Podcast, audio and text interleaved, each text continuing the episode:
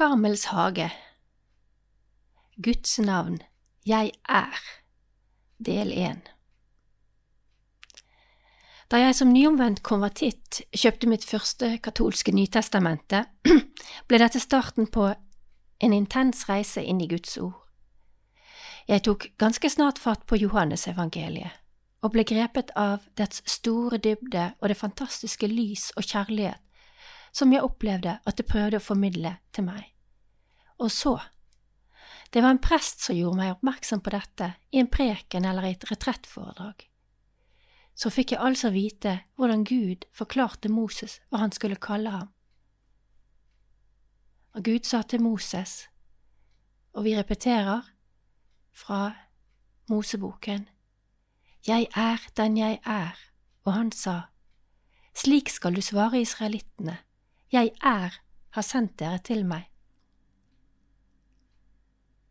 Og Gud fortsatte, Du skal si til israelittene, Herren, fedrenes Gud, Abrahams Gud, Isaks Gud og Jakobs Gud, har sendt meg til dere.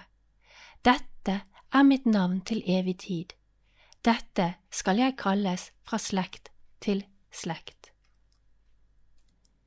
Andre Mosebok 3.14 Så, Jeg er er Guds navn, et navn jødene ikke tok i sin munn, og dette, forklarte presten for oss, er altså en forklaring på vaktstyrkenes reaksjon på Jesus når han gir seg til kjenne hvem han er, denne natten i haven på den andre siden av Kedronbekken. La oss høre hva som skjedde. I dag tar vi det i Gunnes oversettelse, siden det er den som møtte meg da, og den jeg har funnet frem til når jeg nå skal fortelle dere denne vesle historien. Vi leser fra kapittel 18, 5 i Johannes evangeliet. Jesus, som visste hva som ventet ham, trådte frem mot dem og spurte, Hvem leter dere etter? De svarte, Jesus fra Nasaret. Han svarte da, Det er meg. Judas forræderen står midt iblant dem. Men da Jesus svarte, Det er meg, rygget de bakover og falt over ende. Han spurte dem da på ny, Hvem leter dere etter? Og de svarte igjen, Etter Jesus fra Nasaret. Da sa Jesus, Jeg har jo sagt dere at det er meg. Dersom det altså er meg dere leter etter, la disse andre gå. I løpet av meget kort tid har Jesus i Johannes evangeliet rukket å identifisere seg to ganger med ordene Det er meg i vårt norske språk. Johannes legger til en tredje gang i sin forklaring, altså tre ganger Guds navn i denne lille seksjonen av Johannesevangeliet. I vårt norske språk kommer det ikke så klart frem at dette var så spesielt, men presten gjorde meg oppmerksom på at dette var de samme ordene som Gud hadde uttalt om seg selv til Moses da han talte ved, til ham i den brennende busken. Jesu selvidentifikasjon som Gud ved ordene Jeg er, på latin ego sum, på gresk ego eimi, er det som får vaktstyrkene til å rygge bakover og falle over ende. Det var uhørt. Jesus fastslår foran dem og sine disipler sin sanne identitet. Dette ble starten på en helt spesiell lesning av Johannesevangeliet for meg, fra A til Å. Jeg kjøpte meg sågar en vulgata i en bruktbokhandel som fasit. Hver gang jeg i min norske versjon fant et Jeg er-utsagn, sjekket jeg det mot min latinske utgave for å se om det var brukt ordene ego sum, og hver gang jeg fant dette, markerte jeg i mitt Nytestamente dette i margen. Dette var mitt første intense møte med en rudimentær form for lectio divina, et begrep jeg ennå ikke visste noe om. Det var i utgangspunktet en intellektuell fascinasjon. Som vi jo vet, ligger jo dette utenfor lectio divina-lesningen. Men det brakte meg nærmere mysteriet Jesus.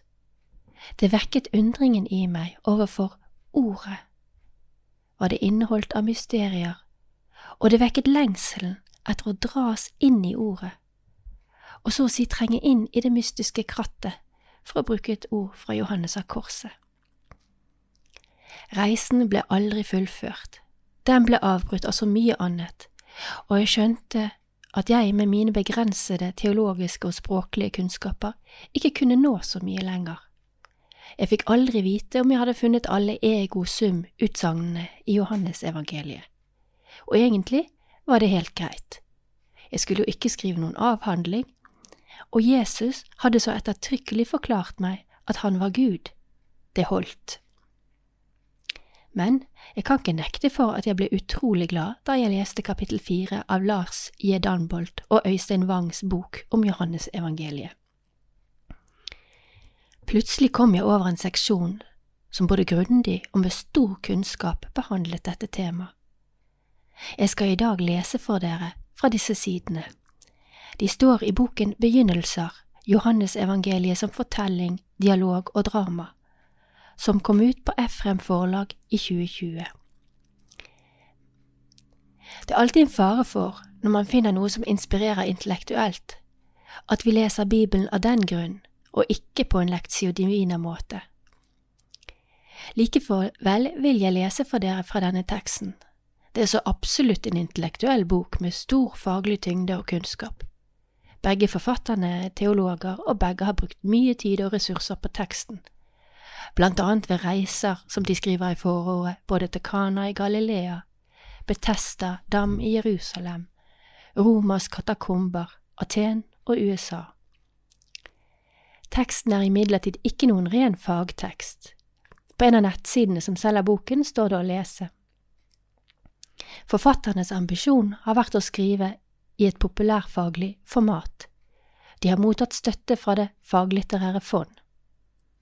Den er skrevet for, og jeg siterer fra Efrem Forlags hjemmeside, for alle som er interessert i å utforske et av de mest betydningsfulle antikke skriftene, preget av både jødiske og greske kontekster, og med stor betydning for kristen kultur og identitetsdannelse gjennom 2000 år.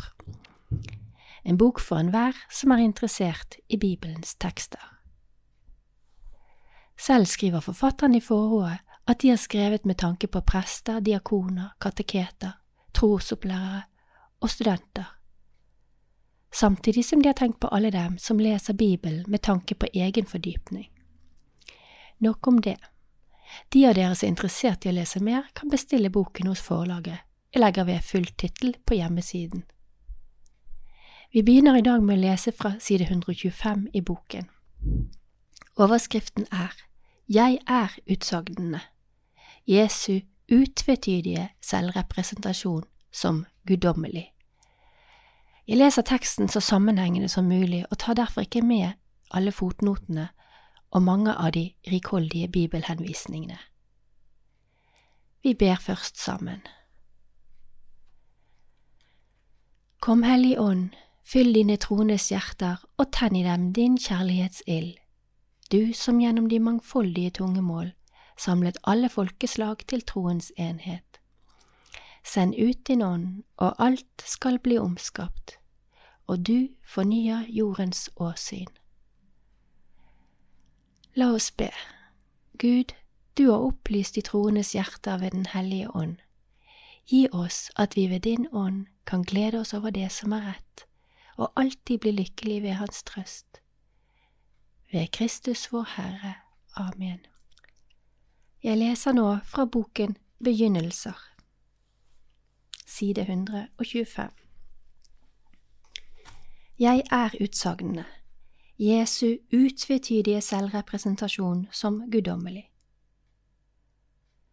Et særtrekk ved Johannesevangeliet er den omfattende bruken av jeg er-utsagn, på gresk ego eimi. Utsagnene er tett forbundet med tegnberetningene og det gjennomgående gjennom gjenkjennelsesperspektivet. Også her griper Johannesevangeliet tilbake til Exodus og historien om Moses, som møter den Gud som presenterer seg som Jeg er. Det har vært mye diskutert i Johannesforskningen hvorfor Jesus så gjennomgående presenterer seg med Jeg er-utsagn. Hos synoptikerne snakker Jesus mer om Guds rike og bruker lignelser der aktørene omtales i tredje person, og ikke metaforiske uttalelser der Jesus selv står i sentrum med et Jeg er. Man kan stille spørsmålet om utsagn som Jeg er livets brød, Jeg er den gode gjeteren, Jeg er verdens lys, osv. har vært johanneiske tolkninger av sekvenser hos synoptikerne der lignende ord og vendinger er brukt. Eksempelvis bruker synoptikerne begrepet brød i nær sammenheng med Jesus. Han blir fristet til å gjøre steiner til brød. Han metter flere tusen med brød, og han lærer disiplene å be om daglig brød. Disse synoptiske beretningene kan tenkes å være en kjent kilde for Johannesevangeliets forfatter, som mer eksplisitt knytter dette til sin forståelse av hvem Kristus er. Det er mulig å se for seg at Johannesevangeliet hentet inspirasjon fra synoptikerne og bidro med en sterkere teologisk fortolkning, særlig med tanke på hvem Jesus er, og at den omfattende bruken av jeg er-utsagn er et eksempel på dette. Alternativt kan man tenke seg at fortellingen har blitt tradert i ulike versjoner, og at forbindelsen mellom Johannes og synoptikerne ikke er umiddelbar. Uansett ser vi et særegent trekk ved Johannesevangeliet, at Jesus ikke bare er en som motstår fristelse til å gjøre steiner til brød, eller en som nøyer seg med å gi mat til mange tusen sultne. Han fremstår selv som brødet som kommer ned fra himmelen. Gjennom dette knyttes Jesu identitet også til Exodus-fortellingen om Israelfolket som ble mettet av kjøtt og brød, parentes manna, fra himmelen, da de sultet i ørkenen og var på vei mot det lovede land. Hos Matteus kaller Jesus sine disipler verdens lys. I Johannesevangeliet er det Jesus selv som uttaler Jeg er verdens lys. Det samme ordet, fos, benyttes begge steder. Synoptikerne har en lignelse om en gjeter, og Matteus forteller om gjeteren som skiller sauene fra geitene. Hos Johannes er Jesus selv den gode gjeteren. Eksempler på andre sentrale begreper som Johannes bruker i sine jeg er-metaforer, og som vi også finner hos hypnoptikerne, er veien, sannheten, livet og oppstandelsen. Også hos synoptikerne ser vi at Jesus bruker direkte jeg er-utsagn. Et eksempel på en fortelling som gjengis nokså identisk hos synoptikerne og Johannes, er beretningen om da Jesus i sterk vind og på høye bølger kom gående mot disiplene som satte, satt redde i båten. Jesus sa, ifølge den norske oversettelsen, Vær ved godt mot, det er jeg, vær ikke redde. Dette er fra Markusevangeliet, 650. På gresk leser vi, både hos Markus, Matteus 1427 og Johannes 620, Ego eimi me fobieste, som altså direkte oversatt er Jeg er, frykt ikke. Synoptikerne bruker videre Jeg er i sammenheng med Abraham og Messias. Det er med andre ord ikke slik at jeg er-utsagn kun forekommer i Johannesevangeliet, men koblingen jeg er og metaforer som brød, vann, lys, gjeter, vintre finner vi kun der. I disse metafortilfellene har også de norske oversetterne, og også internasjonale oversettelser, brukt jeg er der det står ego eimi. Oversettelser reduserer tolkningsmangfold. Oversettere må ofte skrive om eller finne, fylle inn ord og begreper for å gjøre tekster lettere tilgjengelig. I dette ligger et tolkningsarbeid som noen ganger snevrer inn flertydigheten. Ikke minst kan det ramme et så sterkt teologisk ladet uttrykk som ego eimi. Septuaginta, som er den greske oversettelsen av Det gamle testamentet, oversetter Guds presentasjon i Exodus, 2. Mosebok 3.14, fra hebraisk med ego eimi. I denne boken benytter Bibelselskapets oversettelse av det, gamle, av det nye testamentet fra 2005 og hele Bibelen fra 2011. Der oversettes de metaforiske ego-EMI-utsagnene jeg er livets brød osv., med jeg er. Tilsvarende er også vanlig i mange internasjonale oversettelser. Men praksisen er annerledes når det gjelder de andre ikke-metaforiske jeg er-utsagnene, som i eksempelet med fortellingen om Jesus som kommer gående på vannet. Bibelselskapet oversetter slik, Det er jeg, vær ikke redde, og det gjelder for Johannes 6,20 og Markus 6,50. Det samme gjelder i samtalen med den samaritanske kvinnen og scenen der Jesus tas til fange. Her følger Bibelselskapet trolig en redaksjonshistorisk orientert forskningstradisjon, mens narrativt orienterte forskere har pekt på at dette tar bort den flertydigheten som ligger i utsagnet. Muligheten til å oppfatte Jesu egen representasjon med utsagnet ego emi som et ekko av gudsnavnet Jahve, er ikke til stede i oversettelsen. Flere toneangivende johannesforskere stiller spørsmål ved denne typen tolkning, som preger mange oversettelser, siden de fleste jeg er-utsagnene kan bli forstått på mer enn én måte. Oversetterne har ved tre anledninger valgt å gjengi jeg er i kursiv. Det gjelder Johannes 8,24, 8,28 og 13,19, trolig for å fremheve fletyrdigheten. I denne boken følger vi forskningstradisjoner fra den nyere drama dramateoretiske og narrative Johannesforskningen, som vi har gjort rede for i kapittel to og tre. Vi legger vekt på å beholde en mangetydig forståelse av jeg er-utsagnene, som åpner for å forstå dette som jave-appropriasjoner, altså at forfatteren av Johannesevangeliet gjennom den utstrakte bruken av jeg er legger opp til at det er mulig å gjenkjenne Gud i Jesus skikkelse i disse scenene. Jesus identifiseres som Guds representant på jorden, som den Messias som var lovet, og som mange søker. Begynnelsesdialogen bidrar nettopp til å åpne for en slik forståelse, gjennom tilknytning til sted og gjenkjennelse av Jesus Kristus, Messias. Gjenkjennelsen skjer nettopp i, de stedlige, i det stedlige og ved at Jave, et navn som gjennom århundrer har vært så tabubelagt at det ikke engang kunne uttales, ble gjenkjent og nytolket gjennom metaforer som springer ut av menneskers hverdagserfaring og gjennomgripende livshendelser. At Jesus er Guds utsending på jorden, er omtalt i nær sagt alle kapitlene i Johannes, og introduseres allerede i prologen. Å være utsendt fra en stor autoritet gir også sendemannen autoritet og troverdighet, og det gir identitet. Hvem Jesus er, er helt og holdent knyttet til hans sendelse. Det er dermed ingen interesse for Jesu fødsel oppvekst og slektshistorie, slik kan finne det utførlig hos synoptikerne.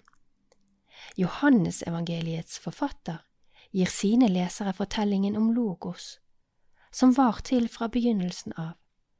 Han trenger derfor ikke Abraham, Davidsetten eller noen av forfatterne til å gi Jesus autoritet, slik som for eksempel Matteus gjør det. For jeg er var til før Abraham. Når Jesus dør, er det fortalt som en form for opphøyelse, og blir løftet opp, og gjennom denne opphøyelsen skal også folk gjenkjenne Jeg er. I denne konteksten er det ikke unaturlig at det understrekes at Jesus gjennom sine utsagn knytter sin identitet sammen med gudsidentiteten, slik den fremstår gjennom tradisjonen fra Exodus. I Johannesevangeliet er han i rollen som Guds representant, nært identifisert med det grunnleggende eksistensielle gudsnavnet Jeg er. At han gjorde seg selv lik Gud og dermed opptrådte blasfemisk i henhold til den jødiske fromhetstradisjonen, var de religiøse ledernes grunnlag for å anklage ham og få ham dømt. Dette er en spenningsfylt kjernetematikk i dialogscenene mellom Jesus og de skriftlærde. Absolutte jeg er-utsagn. Det kan skilles mellom absolutte og metaforiske jeg er-utsagn. De absolutte er slike som konstaterer eller bekrefter Jesu identitet som fars utsending.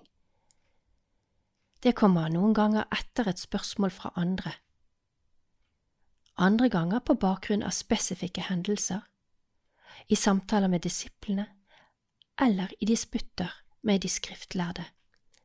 Til sammen er det åtte absolutte jeg er utsagn i Johannesevangeliet og her blir det gjengitt i Bibelselskapets 2005-oversettelse. 1. Samtalen med den samaritanske kvinnen. Jesus sier til henne, Det er jeg, jeg som snakker med deg. 2. Jesus går på vannet og møter disiplene på Tiberiasjøen. Det er jeg, vær ikke redde. 3 disputt med fariseerne om sin egen herkomst. Jeg vitner om meg selv, og Far som har sendt meg, vitner også om meg. Fire. Disputt med jødene om hvem han er. Jeg sa at dere skal dø i deres synder, for hvis dere ikke tror at jeg er, skal dere dø i deres synder. Fem fortsatt i disputt med jødene om hvem han er. Da sa Jesus til dem, Når dere har løftet menneskesønnen opp, skal dere forstå at jeg er, og at jeg ikke gjør noe av meg selv, men sier det som far har lært meg. 6. I disputt med jødene om sin identitet. Jesus svarte, Sannelig, sannelig sier jeg dere, før Abraham var, er jeg. 7. I samtale med disiplene etter fotvaskingen. Nå sier jeg dette til dere før det skjer, for at dere, når det skjer, skal tro at jeg er. 8. I møte med soldatene, tredje begynnelsesdialog. Det er jeg, sier Jesus. I flere av disse absolutte jeg er-tekstene gjør Jesus det eksplisitt klart at han er Messias. Han bekrefter dette overfor den samaritanske kvinnen, og han fremstår som et sitt eget vitne sammen med Gud, og understreker hvor viktig det er at folk anerkjenner og tror på at han er sendt fra Gud. Han viser også til tradisjonen som omtaler at en profet som taler sannheten, skal komme og gjør dermed Moses til sitt vitne.